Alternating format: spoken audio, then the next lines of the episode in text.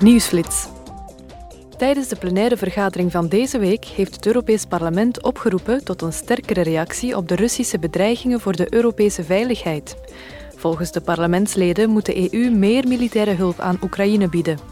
Ze benadrukte ook dat de EU minder afhankelijk moet worden van energiebronnen en andere grondstoffen die cruciaal zijn voor onze infrastructuur en die ingevoerd worden uit niet-EU-landen.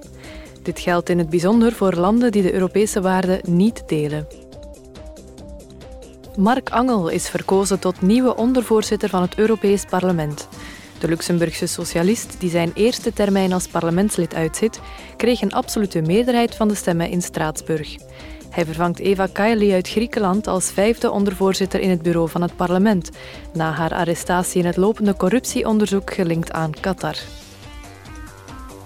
De Europese interne markt bestaat 30 jaar. Het is een van de grootste verwezenlijkingen van de EU en een belangrijk instrument om consumenten en bedrijven in tijden van crisis te beschermen.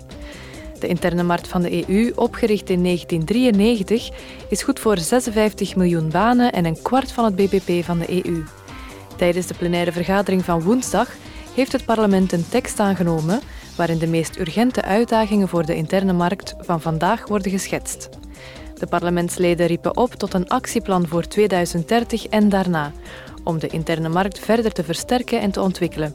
Hierbij gaat het vooral om diensten, energie, telecommunicatie en de digitale interne markt.